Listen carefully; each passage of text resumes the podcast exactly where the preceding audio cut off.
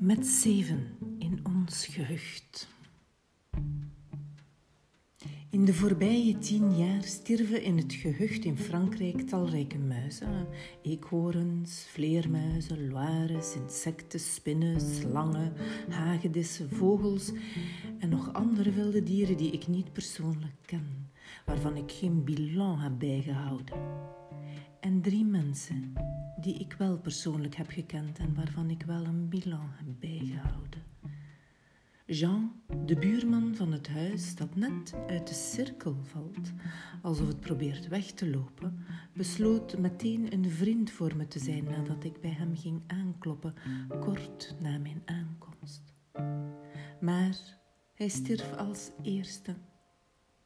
Daarna vielen André en Frans, zijn vrouw, uit de cirkel, die we door vier huizen vormen. Zij waren mijn rechtstreeks buren. Het waren drie gemoedelijke buren die ik soms nog mis. Vandaag wonen we opnieuw met zeven in ons gehucht, maar hoe klein onze gemeenschap ook, toch heerst hypocrisie er als eerste regel. Volgens Christianen is dat omdat men net in zulke kleine gemeenschappen niet aanstootgevend mag zijn. Zoiets kan men zich niet permitteren, aangezien we elkaar nodig kunnen hebben. Christiane kan het weten. Zij emigreerde 30 jaar eerder vanuit Duitsland, woont in een nog kleiner gehucht dan ik, is altijd vriendelijk en beleefd, net als alle Fransen, maar leeft al jaren in conflict met haar buren. Maar zij is niet de enige die zwijgzaamheid verward met ware vrede.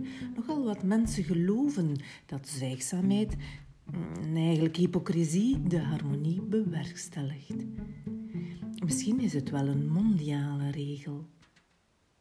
Ik hou ervan bedenkelijke zaken uit te klaren en open en zo oprecht mogelijk zonder omwegen nog angst iemand in de ogen te kijken, terwijl ik hem of haar van een eventuele ergernis op de hoogte breng. Ook als dat betekent dat ik mijn voordelen en hulp niet meer kan oogsten. Anderen noemen het dom, brutaal, ongemanierd, maar openheid voor zowel positieve als gevoelige zaken lijken mij makkelijker. Moeten doen alsof vriend zo hard tegen wanneer iets onopgelost, ligt te sudderen. Zoiets voel je toch? Maar ondanks mijn goede bedoelingen vang ik hierdoor regelmatig klappen op. Ik hoor het diplomatischer aan te pakken, wordt mij aangegeven. Maar ik loop al lang geen gangbare pasjes meer. Ook mijn taal heeft zijn eigen ritme. Mijn woorden stromen in dezelfde cadans dan, zoals ze door elke vezel van mijn wezen voeren. Maar elke instelling, elke klas, elke stad, elk dorp, elke vriendin of vriend komt soms na vele jaren ineens tot een punt van verzadiging. Ze eisen dan dat ik een blad voor mijn mond houd, een ongeschreven blad of een vijgenblad, net zoals Eva voor haar schaamlippen om haar naaktheid te bedekken. Blote woorden moeten worden verwerkt tot een soort beleg. Puur zijn ze niet lekker. Ergens tussen gesandwitst, tussen complimenten of onder humor bijvoorbeeld, als ze daaronder gemengd zitten, slikken ze toch veel beter. Maar mijn ziel is dement geboren of kinds gebleven, vrij en wild, en mijn lippen kennen geen schaamte. Ik spreek spontaan, zoals mijn hart het ingeeft, zonder omwegen. Ik werp het eruit. Velen blijven in gedachten tussen hun uitwerpselen zitten. Oprispingen en al dat soort dingen zijn zaken die je in afzondering in een klein vertrekje moet verwerken. Ooit zag ik een toilet bij Detlef, een minnaar in Portugal, die er een gespreksruimte van maakte, van de kleine ruimte, en met twee kakpotten naast elkaar had gezet. Dat was een interessant uitgangspunt. Het is een uitweg voor mensen zoals ik, die hun vieze manieren niet kunnen beheersen en hun behoeften eruit gooien en niet onderdrukken. De paragraaf waartoe eerlijkheid kan leiden uit menselijk al te menselijk van Friedrich Nietzsche was voor mij een ware schok. Iemand had de hebbelijkheid zich nu en dan over de motieven waaruit hij handelde en die even goed of slecht waren als de motieven van iedereen heel eerlijk uit te spreken. Hij wekte eerst ergernis en toen argwaan op, werd geleidelijk gewoon weg vogelvrij verklaard en uit de samenleving gebannen. Tot eindelijk de justitie zich een zo verachtelijk schepsel herinnerde bij aanleidingen waar ze anders geen oog voor hadden of dichtknepen. Het gebrek aan zwijgzaamheid over het algemeen geheim en de onverantwoordelijke neiging om te zien wat niemand zien wil, namelijk zichzelf, brachten hem gevangenisstraf en een vroegtijdige dood. Na een winter binnenshuis te hebben geleefd, schuiven we in de lente de ramen open of zitten buiten en vergeten vaak onze stemhoogte aan te passen aan het stembereik dat nu niet meer door 60 centimeter muren wordt gescheiden, maar in de klankboxen van de natuursteen meters verderop reikt. Geprikkelde grasmaaiers, vlijmscherpe bosmaaiers, bronstige kwads en geil territoriaal gefluit van vogels. De lente kondigt zich aan. Van overal stromen krolse geluiden van dieren en mensen die de natuur willen bestieren in geluidsgolven over. Horte kraanvogels trekken links en rechts met honderden tegelijk langs het huis over terug naar het noorden en kwaken vrolijk bij het weerzien van hun makkers. Seksueel opgewonden duiven koeren nerveus en neuken klapwieken tot vijf keer per dag zonder hun evenwicht te verliezen en proberen zonder zijne alle standjes uit in de oude spar voor het huis. Als ik onder de boom roep of het wat kalmer kan, steken ze een pluim naar me op en neuken in een andere boom lekker verder. En na een aantal keren roepen doen ze ook gewoon voort. Elk jaar opnieuw neemt een nieuwe generatie de voorplanting ernstig. Van zodra de zon weer van partij is, hoor ik Carol, my neighbor, haar Iers-Amerikaanse kompanen aanmoedigen en zet zij hen allemaal zonder tegenspreken aan het slaan, rammelen, snoeien, zagen of timmeren. Met haar schelle stem in plat Engels herkoudt ze de lucht alsof het kauwgom is. Als je naast haar staat, hoor je de zuigkracht in haar mondholte, waarmee haar tong zich lostrekt uit het kleverig taaltje, om zich losjes over het speeksel op de klanken te laten meegaan, maar altijd een tel te laat. Haar tong kleeft en blijft kleven en lispelt er als een derde been achteraan. Tien jaar voor mijn komst heeft ze zichzelf tot koningin van het gehucht uitgeroepen. Dat doen we allemaal. Met als gevolg dat vooral zij het trekpaard is en eigenlijk zichzelf loopt te dienen. Aan een oud huis is altijd werk. En op de boeren buiten komt daar nog de tuin en meestal ook nog weilanden bij. En zonder haar zou hun erf op het eerste beste slordige café lijken. Haar man, die weigerde koning te worden, doet op zijn dode gemak wat hem wordt opgedragen. Maar als de koningin van huis is, ligt haar gevolg in de zetel naar golftoernooien te kijken en voelt zich pas met een stevig drankje op het salontafeltje de koning te rijk. Buiten dezelfde lucht die we inademen, hebben we weinig gemeen. Ik ben een trekvogel, een plant waarvan de wortels overal kan aarden. En zij zijn huisduiven die hun nest met twee prachtige witte herdershonden verdedigen.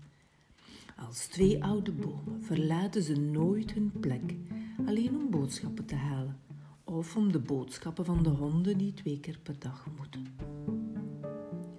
Onze verbouwingskreten snerpen en mengen zich in dezelfde hemel tot een allegaartje van bezigheden. Geluid kent geen grenslijn. Soms zing ik en dans ik, Van zingen en dansen krijg je opgewekte neuronen en bereikt vreugde de geulen van mijn hersenen. En maak ik er alle planten, bloemen en bomen mee vrolijk, wat tot gecontroleerde extase leidt van nog meer dansen en zingen. De moeder des huizen van de Fransen schreeuwt naar haar kleinkinderen, die ze regelmatig en in de vakanties zelfs dagelijks bijhoudt. Af en toe blaft ze ook woedend naar de hond, maar enkel als tegenprestatie, als hij zelf meer dan drie keren blaft. Alleen in het weekend hoor je haar niet schreeuwen, want dan is het feest bij de Fransen. Dan wordt er niet geblaft, maar gezongen en geschaterlacht. Dan galmen populaire songs met een pittig decibel, met een nadruk op belle, wat mooi betekent, ver voorbij een natuurrijkwijde. Elk jaar worden voorbereidingen getroffen met micro en al. En er wordt met spanning naar de dag van de muziek geleefd, rond de 21 juni, waarop men kennissen en vrienden verwacht. Vooral de oudste dochter geeft zich graag met veel allure over aan haar denkbeeldige publiek. Het warme verlangen stroomt recht uit haar hart en vertaalt haar kinderlijke droom naar roem.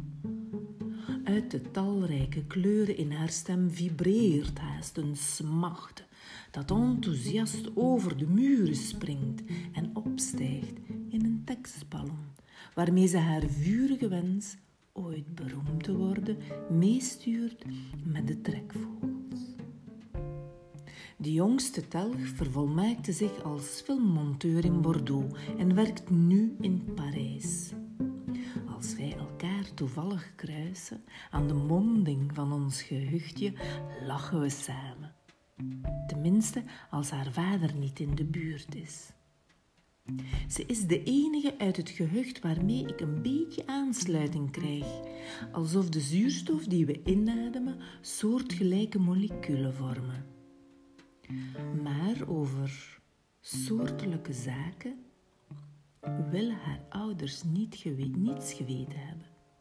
Als haar vader in de buurt is, is ze helemaal anders. Dan schiften onze moleculen. Ik vermoed dat haar ouders het beeld dat ze over mij bij haar ophangen, dat ik een kreng ben, willen bevorderen. Misschien ben ik soms wel een kreng, maar in hun geval valt dat toch dik tegen. En de promotie een bitch te zijn, had ik toen echt niet verdiend. Ik woonde nog niet lang in Frankrijk toen het gezin een geitje voor het jongste meisje kochten. Het beestje mekkerde alsmaar en het gejammer resoneerde goed tussen de stenen. Wat meteen op mijn zenuwen werkte. Het geblair was niet te houden en na een paar weken vond ik het wel mooi geweest. Kreeg dat murbel niet voldoende eten of aandacht misschien? De koperen hand die galant en losjes aan de deur op een bezoeker hing te wachten, lag kil in de mijne toen ik ermee aanklopte om eens te horen. Madame bevestigde zeer zeker dat dat gemekker vervelend was.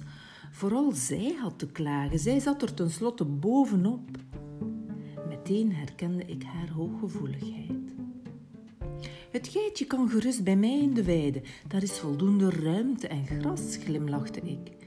En het meisje mocht altijd langskomen, of anders zou ik het geitje zeker voldoende aandacht en liefde geven. Een geit, te gek. Ik werd zelf vrolijk van mijn eigen ingeving. Maar de dag erop was het gemekker gestopt. Spontaan liep ik met een jonge peerboom langs om hen te bedanken. Monsieur deed open en ik lachte groot.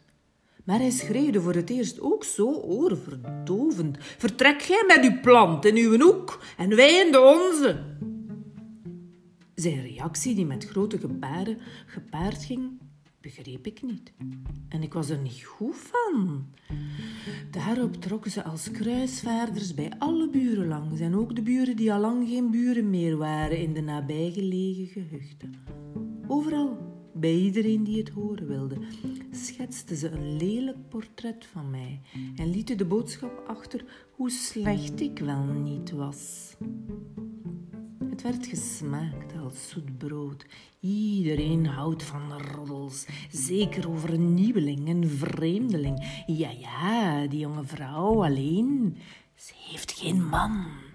Ze is alleen met al die vrijheid. Vrouwen, houd uw man ver af. Moet je horen? Ze eiste van ons dat wij ons scheidje wegdeden. En dat beestje was zo hecht met onze lieve dochter. Ze tekende in gedachten een groot kruis op mijn gevel en op mijn voorhoofd. En zo was madame van het vervelende gebleir verlost, zonder dat haar dochtertje haar iets kwalijk nam. Ach ja, ik zie die madame zelden. Ze verstopt zich om de kleine wondjes op haar gezicht en over haar hele lichaam. Te beschaamd om buiten te komen, vertelde iemand mij. Haar man zie ik regelmatig en hij zegt altijd vriendelijk of hypocriet. Bonjour. Met zijn kale knikker en geruisloze stap doet hij mij aan Fantomas denken, de figuur waar Louis de Finesse in zijn hilarische films achteraan zit. Soms maakt hij een praatje wanneer hij de hond in de berm laat kakken. Maar nooit heeft hij het er nog over, over het geitje. En ook ik niet. Omdat ik al een perenboom had, ruilde ik de perenboom, waarmee ik hen met jaarlijkse vruchten langdurig had willen bedanken, in voor een palm die me nu beschermt. En me eraan herinnert dat niet iedereen eerlijk is. Als ik er niet ben, laat hij zijn hond in mijn tuin poepen, wat toch een typische Fantomas-streek is. Maar buiten wat poep, tot ik gewoon met wat wc-papier opruim, heb ik verder geen last van hem. Ik hoor hem nooit schreeuwen, lachen of zingen.